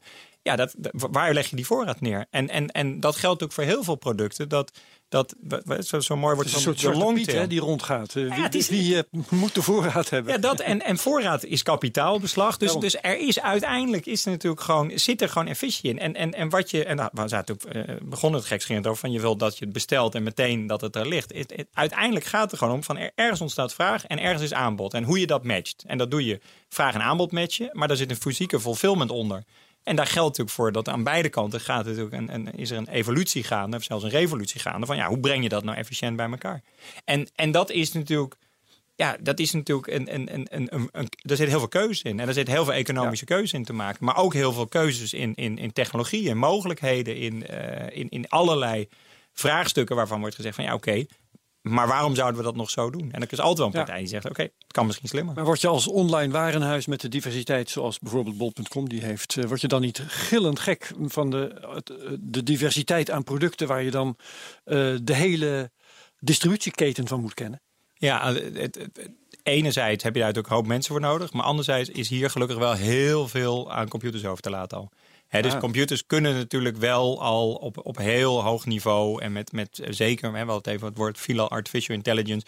Er wordt natuurlijk veel meer al gemodelleerd en er zijn veel meer modellen waardoor je eigenlijk gewoon ziet dat je heel veel van die complexiteit laat je gewoon over aan systemen die daar prima mee om kunnen gaan. Eh, die daar sterker nog, die daarvoor bedacht Dus zijn. op een gegeven moment vertelt een eh, eh, AI jou dat eh, bij dat en dat product die en die stappen kunnen worden overgeslagen. Ja, dat zou kunnen zijn. Maar of, of AI geeft je eh, aan van hoe moet ik hier voorraad van houden van dit product? Of, of wat zijn de keuzes die ik moet maken om, om Wat dit is de product... optimale voorraad Ja, gegeven? ja, en, ja. en een andere, kijk, en, en, en ik dacht even dat je die kant op ging, eh, Herbert, toen je begon over die winkelbeleving. Kijk, wat je ziet is dat winkelmandje wat jij hebt, daar zitten die peren in en die appels en, en, en, en die fles bleekwater. Maar daar zitten ook even die koekjes in die in de aanbieding waren. Ja. En daar zitten een paar producten in die je niet op je lijstje had staan. En een van de dingen is natuurlijk dat, dat supermarkten als geen ander weten hoe ze jou moeten vullen. Hè, zoals, zoals ze dat mooi noemen. Je, hoe je je mandje vult.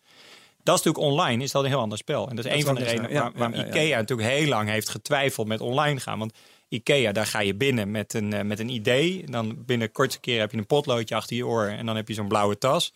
Halverwege wist je die blauwe tas in voor een karretje, want die staan niet voor niks halverwege. En aan het einde sta je bij de kassa met dat ene ding wat je wilde hebben. Plus, ik weet niet voor hoeveel Ja. extra spulletjes die ook niet nodig Ja, Maar dan verwacht ik eigenlijk dat jij nu meteen eh, het verhaal gaat vertellen van dat je die impuls aankopen online best wel kunt genereren Precies. met recommendations. Precies, en dat is, Ja. dat is wat, precies waar ik naartoe wil. Is Ja. dat je dus ziet, is dat, dat daar zit natuurlijk voor een heel groot deel ook de winst straks in van, eh, van e-commerce. En, en Dat dat wel lukt. nou ja, dat het gewoon gaat. En dat de recommendations steeds beter worden. Doordat de data steeds groter wordt. Dat er steeds meer AI. beschikbaar is. En dat AI gaat hebben. En, en ik, ik weet Ja. van eh, via, via een, een andere leverancier hoorden wij dat Amazon haalt ongeveer een kwart van zijn omzet al uit recommendation sloten. Ja, dat, is, dat is wel 25 miljard dollar op jaarbasis. Wat dus al gaat over van hè, u bekeek, anderen bekeken ook. Als u dit leuk vindt, vindt u dat waarschijnlijk ook leuk. Dat zijn relatief hele simpele, daar zit nog geen, geen woord AI achter. maar zodra dat natuurlijk zeg maar. Alleen, en dat is natuurlijk, dat is dan tegelijkertijd ook weer fascinatie. Als ik een boekwinkel binnenloop, en dat eh, pak ik vaak als voorbeeld. Als ik de selecties hier op, eh, in Amsterdam op, eh, op de Rokin binnenloop, dan zie ik meteen heel veel boeken. Ik zie reisboeken, ik zie foto's, ik word geïnspireerd. Ik, ik, ik denk, wauw. En dan word je een soort hebberig. Als ik eh, een, een online boekwinkel, bol.com binnenloop, onze eigen boekwinkel, dan zie ik het boek dat ik zocht. En ik zie misschien nog een aantal aanbevolen boeken. Ja, je ziet een paar andere Maar, maar ultimately zie ik een, een, heb ik een 8-inch LCD-dingetje, waardoor ik naar de wereld kijk. Dat is natuurlijk wel anders dan de 360 graden wat ik mijn hoofd kan draaien in, in die selecties. Dus, dus je ziet ook. Je zegt eigenlijk dat je daar niet tegenop kan. Nee, dat, niet op die manier. en dan gaan natuurlijk mensen roepen: ja, maar let op virtual reality en artificial. eh, of sorry, eh, dus de augmented reality. Tuurlijk. Dus er wordt heel erg gezocht naar technologische oplossingen. Maar tegelijkertijd zie je ook dat dat, ja, dat maar voor een deel ook nog pas werkt. En dan staan we nog in de kinderschoenen. Ja, en maar ik, ik, ik zit ergens mee, want aan de ene kant zeg je alles voor de klant, de klant, de klant, de klant. En nu wil je ze zo manipuleren dat ze meer kopen. Dus denk ik, als je alles voor de klant doet, waarom wil je ze dan manipuleren dat ze meer kopen? Dat doet, dat doet een winkel toch ja, altijd. maar dan beredeneer je vanuit de winkel. En als een, Ja, wi- Ik, ik heb net geleerd, helemaal in het begin, als Ja, een ja. winkel echt goed is, dan, dan ben je alleen voor die klant bezig. Dat klopt. Alleen we Dan ga je weten niet dat- die manipuleren ervaring heb ik ook wel eens. Ja. Goh, dit was fijn. Deze verkoper heeft niet geprobeerd me iets extra's aan te smeren. Bijvoorbeeld. Dat is pas- Ja, maar, Het, is, ja, maar het, is, het is ook, en dat vind ga ik ik ook, vaker naartoe. ook die consument. Is, en we hebben het vaak over, over die bubbels, maar mensen vinden het ook leuk om toch verrast te worden. Mensen vinden het ook leuk om toch. Hè, dus, dus ja, die consument zegt: ik, ik zoek dit, ik zoek dat. Hè, Vraag maar eens aan de nieuwsredactie. Als je een, een, een, een lezer zijn krant laat maken, dan maakt hij één keer een krant en daarna leest hij hem nooit meer. Want dan denk je: wat een saai blad, er staat alleen maar in wat ik leuk vind. Dus je moet mensen verrassen. En dat geldt ook voor. Hè, dus, dus een consument die zegt: ik wil dit en dit hebben en de rest hoef ik niet, die liegt. Nou, Want wat hij zegt is: ik wil gewoon nog steeds geïnspireerd worden. Ik wil verrast worden. Ik wil, hè, iedereen vindt het leuk om. En dan dat, dat nutje wat dat extra geeft om toch. Ja, dat moet je gewoon online er ook aan toe. Ja, hoe, en, en hoe goed zijn jullie erin? Kunnen jullie mij dus dat, dat andere boek ook laten kopen? Ja, hoe dat goed werkt al. Ja, dat, dat werkt gewoon. En dat werkt gewoon hè, op, die, op die psychologische principes van u bekeek, anderen bekeken ook. Of, of van let op, er zijn nog maar zoveel exemplaren van deze. Ja, die Of, hè, Caldini dus- dingen. Ja, er zijn, er zijn heel veel. En dat, en dat, is, dat geldt bij bol.com, dat geldt bij, bij, bij alle online platformen. Er wordt natuurlijk heel erg gezocht naar manieren om maar vaker eh, dat beeld te krijgen. hè. Je, je stuurt een e-mail, je, je, je een pushbericht vanaf de app. eh, maar als mensen maar kijken en als ze, je, als ze naar je kijken, kan je iets laten zien. En hoe breder je dat laat zien, hoe groter de kans is dat mensen denken: oh hey, dat is handig. Of hey, dat wil ik ook graag hebben. Ehm, het is nog wel gewoon, natuurlijk, eh, het begon natuurlijk als een boekwinkel. Van ik zoek boek X, ik vind boek X, bestel het, ik heb morgen in huis en, en, en tevreden. Naar nu inderdaad van oké, ik wil een cadeautje voor een, een, een, dochtertje die, eh, die 12 wordt. Wat moet ik dan hebben? Of hé, hey, eh, ik ga met vrienden op vakantie, we gaan naar een festival, wat moet ik meenemen? Ja, dat soort inspiratieachtige dingen. Daar kan je natuurlijk heel veel content omheen bedenken en toevoegen. Maar dat doen niet alleen winkels, dat doen natuurlijk alle online platformen. Hè? Want feitelijk eh, is, is, is, is elke vorm van content naar buiten brengen is een vorm van marketing geworden. En dat wordt natuurlijk online. Hè? Of je nou op Facebook doet of op, op YouTube of gewoon op willekeurige websites. Het gaat erom dat je die consument probeert te inspireren en te raken. En die denkt, oh ja, niet aangedacht. Eh, In hoeverre, want we noemen het even gekscherend, eh, helpt eh, dus een rijkere beleving met eh, virtual reality en augmented reality en alle, alle hippe dingen. Hoe helpt dat om de ervaring toch beter te krijgen? Het zijn, het zijn technologische, eh, ja, ik noem het maar eventjes nog, nog echt kinderschoenen, maar het zijn natuurlijk technologische trucjes om iets te bereiken in een omgeving waarin fysiek iets niet is. Hè? Dus, dus jij kan gewoon op je luie stoel, kan je bij wijze van spreken de, de Mont Blanc afskiën, zittend daar. Maar iemand die de Mont Blanc heeft afgeskiet zal zeggen: ja, dat is echt niet te vergelijken met wat jij daar Zo, hebt gezien. Dus, dus, dus, dus in hoeverre gaat dat echt, echt inspiratie bieden? Ja, het is ook een beetje van, van, van waar geloof je zelf in? Wat wil je? En, en, en hoe wauw is het? En, en ik heb best wat de afgelopen jaren wat, wat virtual en, en met name ook augmented reality dingen gezien. En dan denk je toch elke keer, ja, het is, het is het nog niet. En ik weet niet of jullie voorbeelden kennen waar het echt werkte. Ja, het is, er zijn gewoon, er zijn best wel gave dingen. En het is, ik bedoel, het is Nee, trainingsmethodes zijn, vind ik soms wel goed. ja, daar in die wereld zie je, zie je mooie voorbeelden. Maar, eh, Ja, maar of order picking, wat je ziet bij DHL. In, we hadden het over distributiecentra. En hebben, Ja. ze, een, hebben ze een Google Glass. Ja. En dan kunnen ze... Maar dat is, dan is het gewoon efficiency verhogend. Ja, hè? Dus het is, dat vind ik het niet heel erg. Dat is het een technologie die, die puur op efficiency verbetering zit. Niet Ja. zozeer op een beleving. Eh, welke, e- eh, als je een kleine webshop bent, dan kan je natuurlijk ook je waar aanbieden. We hadden het net al een beetje over, over Amazon. eh, bij bol.com. Wanneer moet je dat dan wel doen en wanneer moet je dat niet doen? Wat, wat- dus, dus wat zijn de afwegingen? De, belangrijkste afwegingen voor, voor heel veel partijen om, om mee te gaan in platformen is gewoon wat kost verkeer naar mijn eigen omgeving? Hè, dus wat kost het om mensen in mijn winkeltje te krijgen?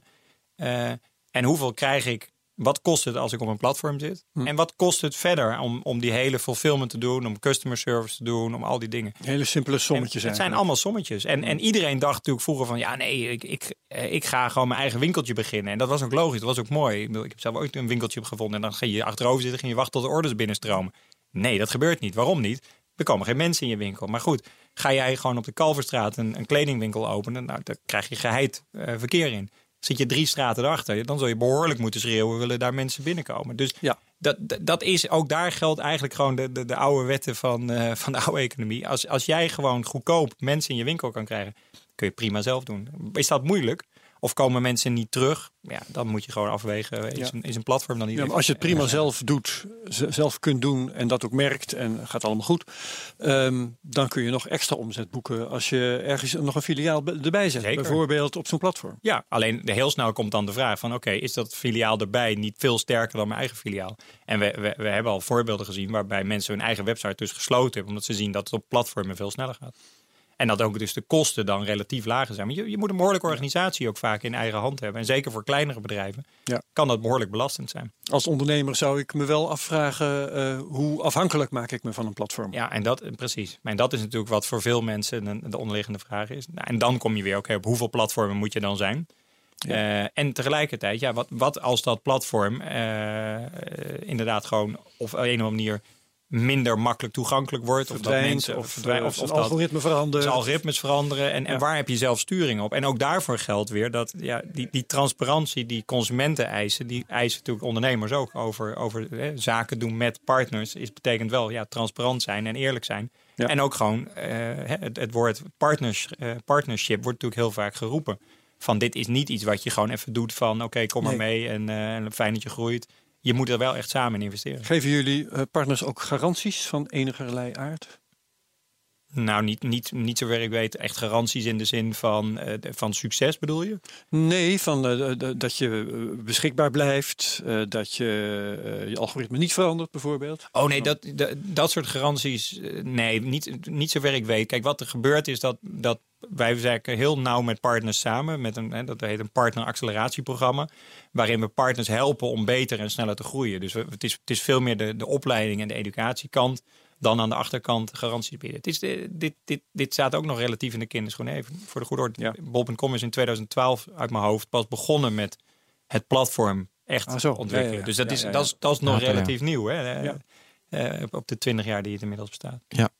Wat ik ook een interessante vind van, eh, weet je, vroeger, nou, fashion gaat nooit verkocht worden, cosmetica nooit. Heb ook Bri- nog wel eens geroepen, ja. ja, ja, precies, brillen online. Moet je passen? Kan Moet je, echt hoe niet. kan dat nou? Ja. Eh, nou ja, we hebben het al over eh, de dagelijkse boodschappen gehad. Hoe zie jij die ontwikkeling? Wat, waardoor lukt het nu wel? En dat, ik- ja, Nou, kijk, ik denk, ik vind altijd gewoon, ook hier weer gewoon, het is gewoon echt de consument die zelf wendt aan dat dingen gaan eh, dat, dat het werkt, dat het lukt, dat het kan. Eh, Maar goed, met fashion alles terugsturen, dat is ook niet houdbaar. Nee, eh, Zalando heeft ook recent Ja. aangekondigd dat ze wellicht toch retourkosten gaan, of verzendkosten Ja. in, in rekening gaan brengen. Ja, dus, dus eigenlijk zie je gewoon dat er nog, er, er wordt nog ongelooflijk veel geëxperimenteerd. Maar ik denk even in alle eerlijkheid, goed, het is, het is ver voor onze tijd, maar ik kan me voorstellen dat 125 jaar geleden Albert Heijn, eh, grondlegger, met zijn winkeltje in Zaanstad ook zat van, goh, gaan hier wel mensen komen? En als ik dan een tweede open, dan kan ik niet meer achter de kassen staan van die tweede. Hoe, hoe gaan mijn klanten dan reageren? Waarschijnlijk heeft hij hele herkenbare vragen gesteld in zijn tijd, waarvan wij nu gewoon denken van, ja, ja. Maar goed, online zijn dezelfde vragen. Alleen, goed, het praat meteen over tientallen miljoenen klanten en tientallen miljoenen euro's omzet. Dus de schaal is veel groter geworden. Maar het zijn waarschijnlijk dezelfde soort vragen die er gewoon achter zitten. Van oké, hoe werkt dit dan? En, en, en dat zie je gewoon. Mensen zijn nog aan het ontdekken. Ik bedoel, iedereen zegt nog, ja, auto's online gaat niet werken. Nou, de- de tweedehands auto's online gaat al prima. Eh, nieuwe auto's online worden bijna allemaal. Hè, iedereen Ja. maakt het met een configurator.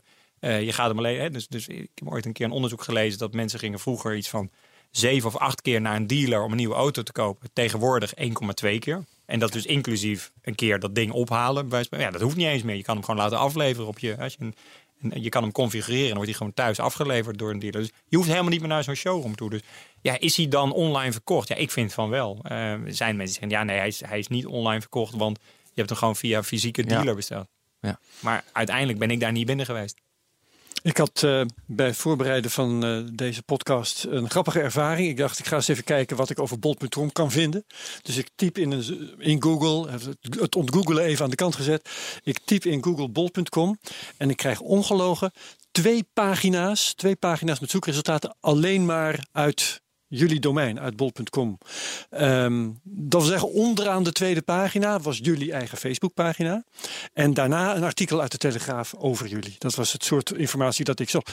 Knap. Mijn vraag is eigenlijk, Knap gedaan. doen jullie daar iets voor of gaat het vanzelf? Ja, ja, Want er zijn natuurlijk ook bedrijven die je kunt inhuren voor ehm, search engine optimisatie. Zeker, dus dat doen we, dat doen we, doen we voor een groot deel zelf. Maar ook, ook hier zie je eigenlijk gewoon eh, hoe goed Google werkt. Namelijk, die herkent gewoon dat dat het, het grootste... Nee, dat bestrijd ik. Nee, maar jullie zijn toch de hele dag daarmee bezig om dat Nee, te het wordt, optimaliseren? wordt wel degelijk mij- geoptimaliseerd. Alleen, eh, grappig genoeg, zie je gewoon ook dat... dat, dat hè, uiteindelijk kan je het wel voor een deel optimaliseren. Maar ook voor een heel groot Nee, deel is het gewoon... Het algoritme werkt nou eenmaal Volgens mij zou Google streven, als ze er eh, de kans hadden erover na te denken, naar meer diversiteit in eh, die resultaten.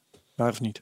Ja, dat weet ik niet. Zou je Google moeten vragen. Ik weet, Ja, ik weet gewoon niet hoe het algoritme werkt. Kijk, ik, ik heb wel eens Ja. discussies met mensen bij Google van... hoe werkt het algoritme? Maar nou? jullie zitten daar dus wel degelijk gewoon aan te sleutelen. Hoe kunnen wij zoveel mogelijk van onze informatie in dat resultaat krijgen? Ja, tuurlijk. Daar wordt, hè, daar wordt natuurlijk naar. Ook, ook hier weer. Het gaat natuurlijk om. Een winkel bestaat bij de feit dat er klanten binnenkomen. Hè, als jij nog eens terug naar die Kalverstraat, als je daar gaat zitten, dan komen er. Eh, Nou, komt twee uur s'nachts ook niemand binnen, want dan zijn de winkels dicht. Dus als je, als je een, een shop open hebt, moet je verkeer brengen. Waar komt verkeer vandaan? Uit zoekmachines. Dat is nou eenmaal hoe, e-commerce voor een groot deel werkt. Mensen gaan niet zoeken, ze vinden het vervolgens in een winkel. Je ziet wel overigens dat dat meer en meer verschuift. Dus mensen gaan niet naar een zoekmachine, maar gaan rechtstreeks naar een winkel. Want die hebben tegenwoordig alles. Hè. Dus ook daar weer Amazon zie je dat die in sommige categorieën 75% van het zoekverkeer pakken. Daar wordt Google natuurlijk heel nerveus van. Ehm, Maar mensen gaan niet zoeken. Ja, en, dan, en dan vind je dus ergens. En dan zegt, eh, wil Google natuurlijk zeggen... ja, we willen het beste zoekresultaat bieden. Nou, dan bieden we dan maar degene aan die het waarschijnlijk heeft... en die het je morgen kan geven. Dus, dus dat gaat natuurlijk hand in hand. Dus ja, ja, je kunt het optimaliseren. Maar tegelijkertijd is dat ook, ook hier weer een beetje dat winner takes all principe. Als je maar groot genoeg bent, dan, eh, dan, dan komt dat stuk ook organisch gewoon naar boven. Ja, ja. Ehm, hier was nog een, een, een, een lotse flodder, maar ik ben toch wel benieuwd. Eh, overwegen jullie wel eens om bitcoin te accepteren? Oh, dat weet ik niet. Ik weet, er, wordt, eh, er, wordt, er wordt natuurlijk veel over, eh, over allerlei betaalmethodes eh, nagedacht. Het is natuurlijk ook weer hier, dat zijn vaak services die, die, die weer afgenomen worden van andere partijen. Dus die, waar bankenontwikkelingen, et cetera. Of een bitcoin daarin eh, in meegenomen worden, weet ik niet. Zou een collega doen jullie veel AB-testen? Doen jullie veel? Natuurlijk doen jullie dat veel, maar is het constant van: hey, we geven even duizend gebruikers, want je weet welke gebruikers Bitcoin heeft, want je weet alles van Herbert. Eh, en dan test ik daar even op. Nou, m- Bitcoin nogmaals specifiek, dat weet ik niet. Maar eh, AB-test, ja. Hè, Maar De- ook zeg maar met duizend gebruikers geef ik dit. soms nog minder. Het, het, het- de, de- ik heb wel eens de, de, de uitspraak gedaan met binnen bol.com live is een AB-test.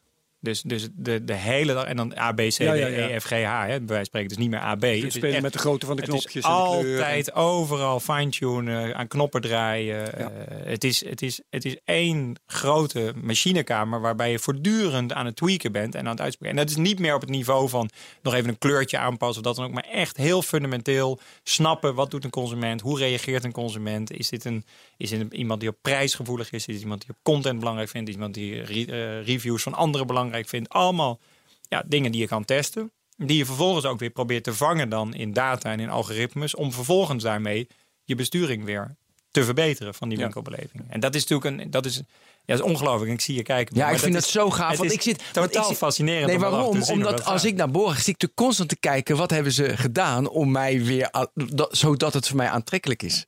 Weet je, en dan ga ik expres zo- wel eens dingen aanklikken. Dus ik denk, hé, dan de- denken zij weer. war maken, ja. Ja, maar dat, dat is, ja, dat vind ik. Maar dat, je- dat het je lukt, dat is knap. Want heel veel bedrijven zeggen dit. Weet je, heel veel apps zeggen dit. Maar in de praktijk ook te doen, is het veel lastiger. Nou ja, ik denk, ik denk dat dat uiteindelijk ook gewoon toch te maken heeft met, eh, met zorgen dat je gewoon hele goede mensen in, eh, in, in je bedrijf krijgt. En, en ook echt het geloof hebt met elkaar dat dingen maakbaar zijn. Hè, er, is, het is, er wordt heel vaak de Pipi Langkous quote gebruikt van eh, het is nog nooit gedaan, dus ik zal het wel kunnen. Dat, dat is een mentaliteit die je gewoon mee moet Ja. brengen. Om, om, om te gewoon te geloven van ja, geen idee, het is nooit gedaan. Nou, laat, laat het dan maar proberen. Ja. En dat, dat is natuurlijk ook echt hoe Daniel ook altijd daar stond. En tegenwoordig ook Huub gewoon zegt van ja, tuurlijk, dit is nog nooit gedaan. Nee, er is nog nooit een piek geweest die zo groot was als de piek van de laatste Black Friday. Dus de volgende piek is weer groter. Ja, nou, geen idee, is nog nooit gedaan. We, we zien wel weer. En dan ga je gewoon weer nadenken van oké, maar als je dat zou willen. Hè, als je, je moet dus nooit in beperkingen denken. Je moet altijd denken in kansen. En altijd Tuurlijk. geloven dat, dat je het in elk geval kan proberen. En dan is het ook uiteindelijk technologisch. En dat is natuurlijk het voordeel van, van al die dingen. Eh, wat je misschien in de fysieke winkel kun je niet even een paar dingen testen, want dan stort die hele fysieke winkel in elkaar. In een online winkel kan je natuurlijk eindeloos faciliteren dat je. Jullie hebben in veel opzichten Amazon nagevolgd. eh, boeken verkopen, eh, tweedehands boeken verkopen, eh, stereo gaan verkopen. Ik heb die dingen net ook al opgenoemd. Ehm, is Amazon jullie voorbeeld? Gaan jullie meer dingen doen die Amazon, eh, noem maar wat, een cloud aanbod, fysieke winkels, eh, eigen hardware? Nou, ik- op, op dat vlak, eh, in alle eerlijkheid, eh, kijk, natuurlijk kijken we veel naar Amazon en ook veel naar het oosten en ook veel naar, naar andere spelers. Oost als in China. als in China. Ja. En, en, hè, dus dus, dus in, in, in e-commerce kijkt iedereen naar alles en iedereen. En, en, en, en, en breder dan dat. Hè, de IBM's, Microsofts, Google's, Facebooks. Iedereen kijkt naar elkaar, is met elkaar bezig. De keuzes die je maakt van welke diensten ga je wel of niet aanbieden. Kijk, de, de, de- Amazon met zijn, met zijn hardware en zijn, eh, dus zijn Alexa en, en dat soort zaken. Is ook gewoon gedreven doordat zij gewoon proberen te innoveren in hun, in hun hele winkelomgeving. Nou, daar zijn wij relatief misschien een, een kleinere speler als Bol.com. Maar dan kan je werken met een Google. Dus wij werken met Google Home samen. Ehm, dan heb je toch een technologie, hoef je het niet zelf te bouwen. Het is Ja, dus, ja, ja. dus je ziet, en dat is eigenlijk wel een beetje de, de onderliggende fascinatie. Veel technologiebedrijven eh, worden eigenlijk gewoon de nieuwe oliemaatschappijen. Dus, de, dus als data nieuwe olie is, dan worden die bedrijven die dat mee werken, worden de nieuwe oliemaatschappijen. Dat, grappig genoeg waren twintig jaar geleden de grootste bedrijven ter wereld waren de oliebedrijven Ja. in beurswaarde. Vandaag de dag zijn het de techbedrijven. Dus, dus l'histoire repet wat dat betreft. En het is een heel aardig artikel in de NRC van, eh, ik meen ergens vorig jaar, waarin die, ook die vergelijking werd gemaakt Ja. met Standard Oil. Van hoe dat uiteindelijk zelfs opgeknipt moet Moeten worden. ja, ja. Dus, dus eh, weet je, ook wat dat betreft wordt er veel besproken. Dus je ziet gewoon, iedereen kijkt naar elkaar, de ontwikkelingen. Het is, het is heel duur, het is heel kostbaar. Het is ook heel kostbaar om een olieveld te gaan, gaan, eh, gaan opboren. Een gasveld exploreren. Machtsconcentraties Dus- zijn dus- misschien dus- niet ongevaarlijk. Dus dat, is, dat, dat zie je daarin terug. Eh, Ja. De keuzes die je dan maakt, van ja, wat kan je wel of niet? Ik bedoel, Amazon eh, Web Services, zover ik weet, is ontstaan omdat ze zelf al die winkelcapaciteit nodig hadden en dachten, hé, hey, als we toch die centra neerzetten, kunnen we Kunnen in januari, februari, maart, april. We eh, kunnen wel wat capaciteit verhuren. En toen zei iemand, hé, maar dat is mooi, daar kan ik heel businessmodel mee maken. En Ja. voor je het weet, dat is een businessmodel wat, wat meer geld oplevert dan, dan de e-commerce. En dan zeggen we, hé, dat is de Amazon Advertising Services, hè, de, de, de, waar wij natuurlijk nu ook met retail media veel over hebben, is, is natuurlijk ontstaan vanuit, gewoon, ja, weet je, mensen willen betalen om op ons platform zichtbaar te zijn. Ja, dat is zo, hè, zo, zo oud als de weg, eh, daarom ook hier. Ik bedoel, eh, ehm, Alle Handen is al 25 jaar een van de, van de de best betaalde magazines van, eh, eh, van Nederland. Ja, dat is ook daar weer niks nieuws. En weer bedacht in een online omgeving. Hoe werkt dat dan? En vervolgens heel succesvol door de schaal groot uit te rollen. En dan is er gewoon, ja, dan, dan zie je gewoon dat dat soort vragen gemaakt kunnen worden. Ja. We hebben 1 uur 3 minuten en 42 seconden. Nu 43. We gaan, we gaan stoppen. Eh, Walter, bedankt. Graag gedaan, joh. Ja. Wat ontzettend leuk. Ja, Herbert ook bedankt. Ben, ja, ook bedankt. Tot de volgende technologen. technoloog. Dank u wel. Dag. Hoi.